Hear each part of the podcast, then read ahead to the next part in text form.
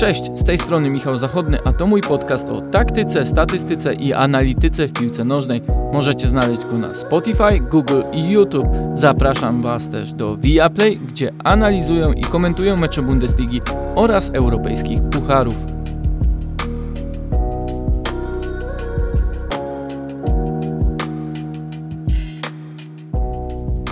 Manchester City rozbił w ostatnich dniach Newcastle United, a następnie Wolverhampton. Po raz siódmy w tym sezonie strzelił przynajmniej 5 goli w meczu.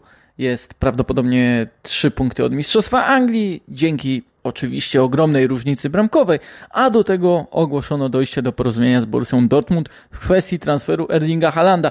To więc doskonały moment, by wrócić do traumatycznej chwili, gdy City odpadło z Ligi Mistrzów w rewanżu z Realem w Madrycie.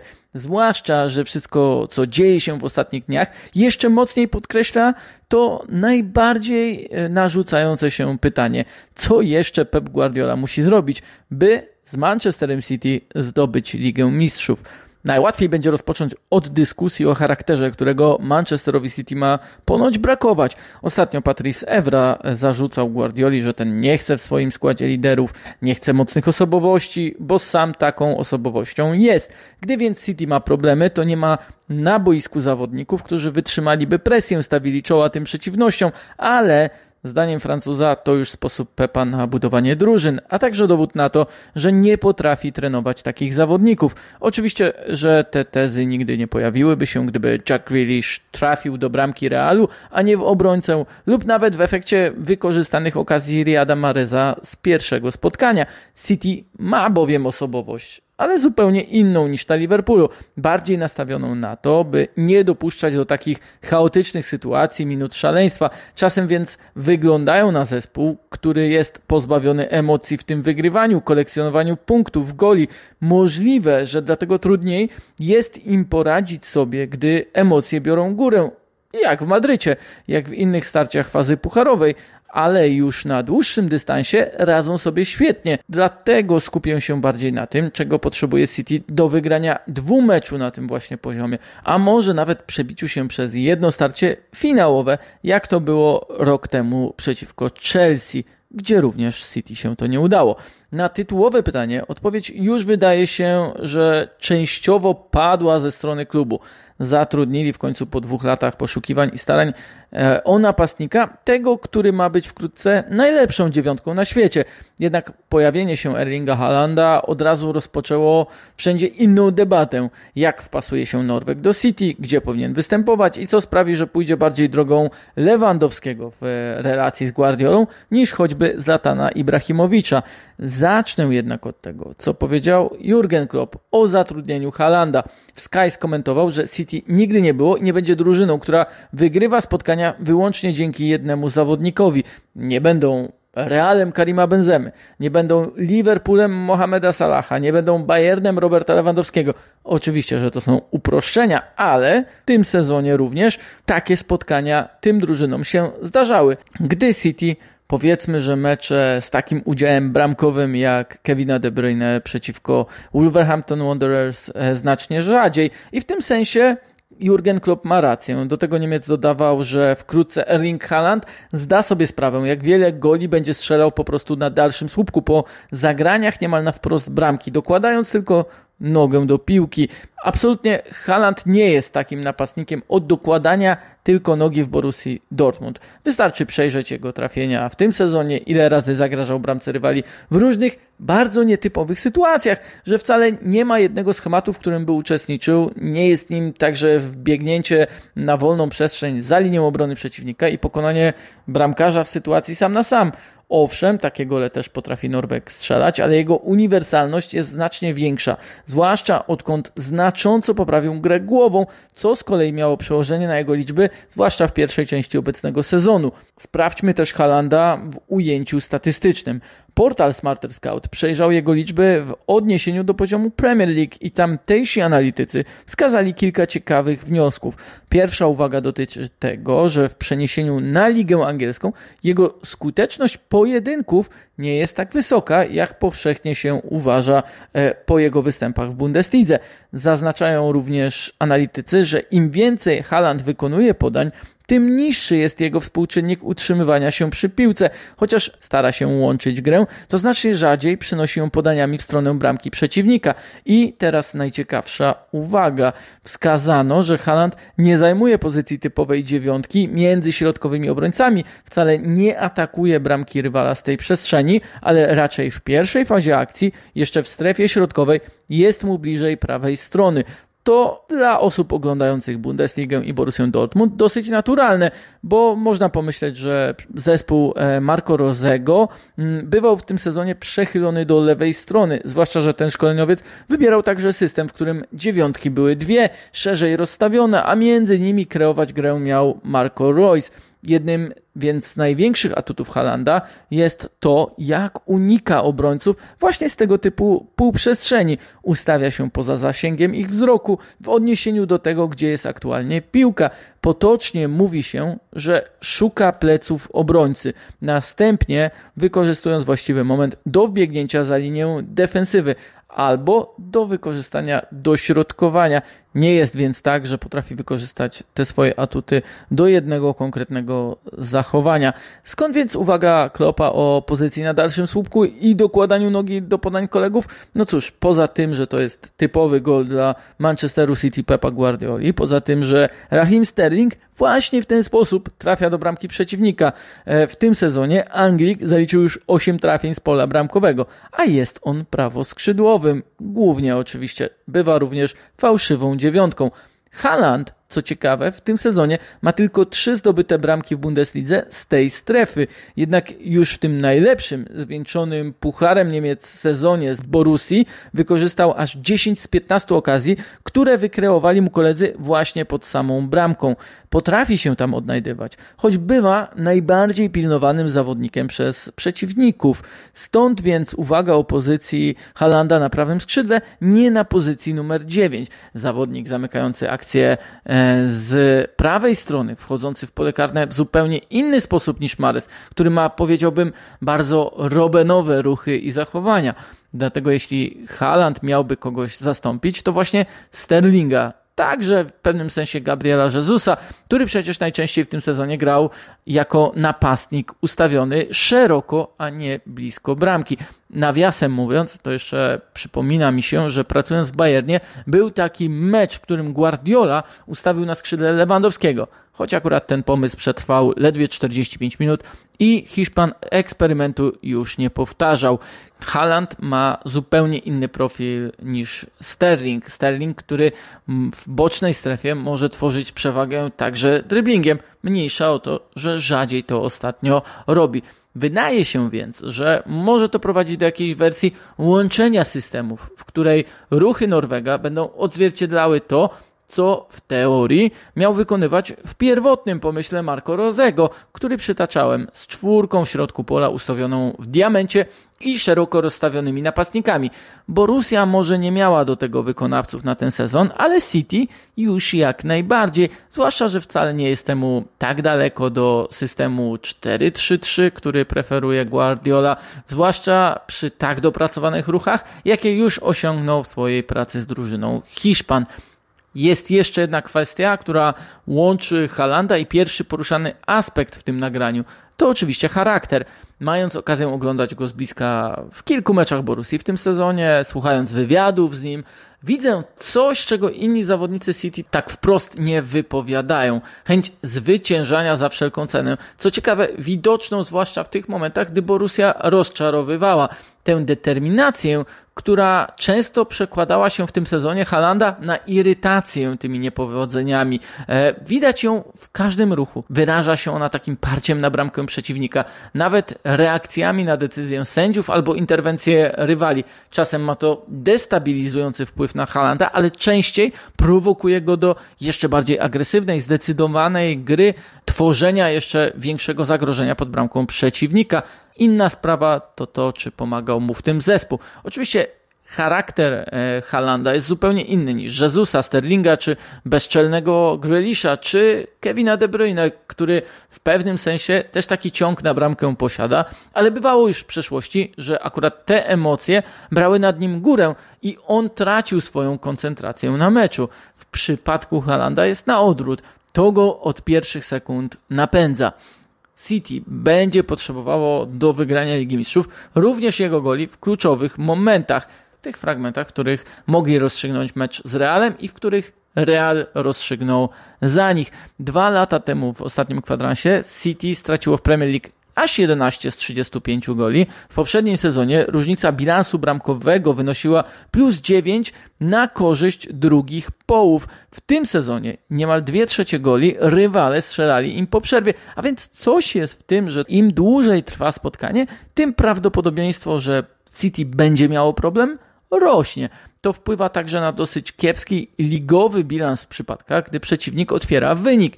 City w tym sezonie osiągnęło ledwie jedno zwycięstwo w sześciu meczach, trzykrotnie w takich przypadkach przegrywało. W 11% spotkań tego sezonu City nie strzeliło gola, pomimo tego, że oczywiście ich przewaga z czasem rosła. Z kolei w przypadku Liverpoolu, bo też warto porównać do drużyny Jurgena Kloppa, działo się tak w ledwie 3% przypadków. To już akurat spora różnica, która może być decydująca o losach drużyny nie tylko na przestrzeni całego sezonu, ale również w fazie pucharowej, gdzie czasem trzeba wszystko rzucić na jedną szalę. Tego City nie potrafiło zrobić z Realem, tworząc w dogrywce tylko jedną okazję, a w jej drugiej połowie żadnej.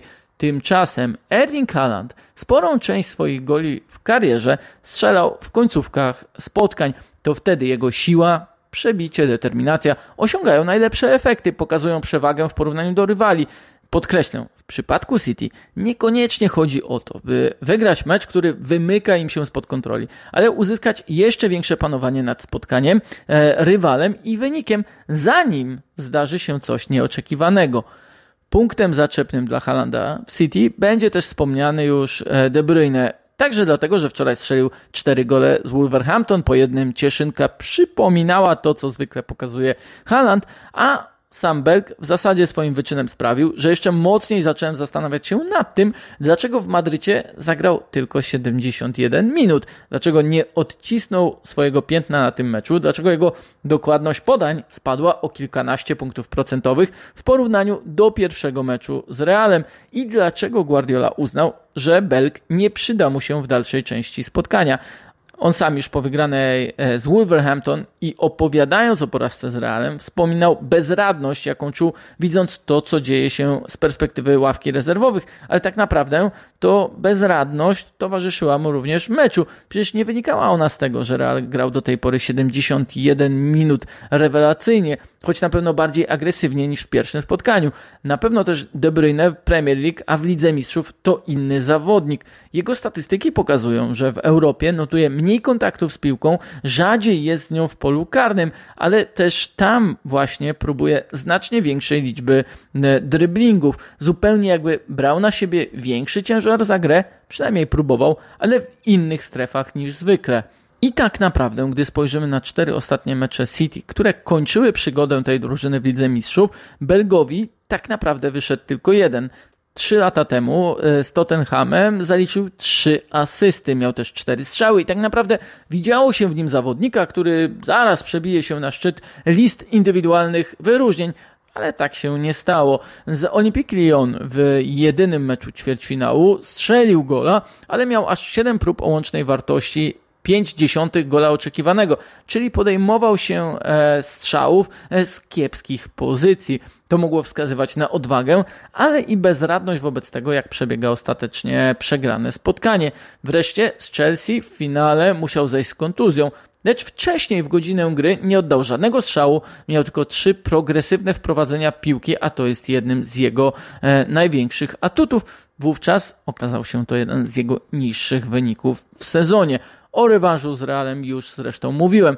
Mało było analiz, dlaczego De Bruyne mogło City zabraknąć w dalszej fazie meczu. Oczywiście, że wejście Gendogana pomogło drużynie, bo zaraz City strzeliło gola. Zresztą po akcji Silwy, jakiej oczekiwalibyśmy też od Belga, ale Czy nie mógł on zostać nawet jako bardziej defensywna opcja? A może Guardiola po prostu widział, że jest De Bruyne jakiś nieswój na boisku, podejmuje dziwniejsze niż zwykle decyzje. Na pewno nie była to kwestia zdrowotna, bo przecież po kilku dniach zagrał pełen mecz z Newcastle, a następnie 90 minut z Wolverhampton i efekty jego gry można było zauważyć e, bez żadnych problemów. Wreszcie właśnie kwestia samego trenera i tego, co musi zrobić Pep Guardiola. Słuchając różnych podcastów i programów o City, wychwyciłem ciekawą uwagę Karen Curry, czyli ekspertki Sky Sports, która użyła stwierdzenia, że gra drużyny Guardioli jest zbyt choreograficzna, a więc uporządkowana, zaplanowana, dograna do najmniejszego elementu, funkcjonująca na bazie automatyzmów i lub instynktu. Oczywiście, że to sprawia, iż zespół ma w większości sytuacji łatwość, bo przygotowuje sobie rywala, sytuacje, całe mecze i gwarantuje sobie spokój trafieniami. Ale Guardiola potrzebuje takich perfekcyjnych meczów również w obliczu możliwego chaosu. Tak przynajmniej e, by się wydawało.